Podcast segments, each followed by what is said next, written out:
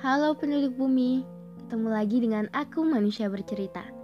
Semoga manusia bercerita menjadi teman kalian sekarang, esok, dan sampai kapan pun itu.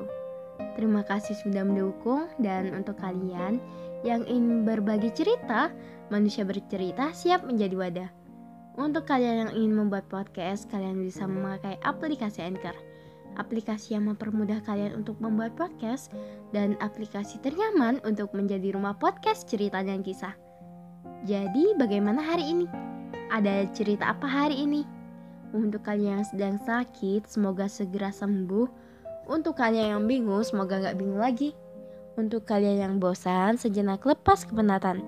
Untuk kalian yang sedih, semoga menerbitkan tawa kembali. Dan semoga kalian melahirkan bahagia setiap harinya.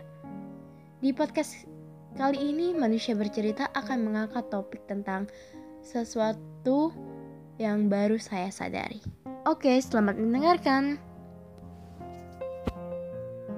Sepertinya saya baru menyadari satu hal yang penting. Saya akui saya terjebak di masa lalu.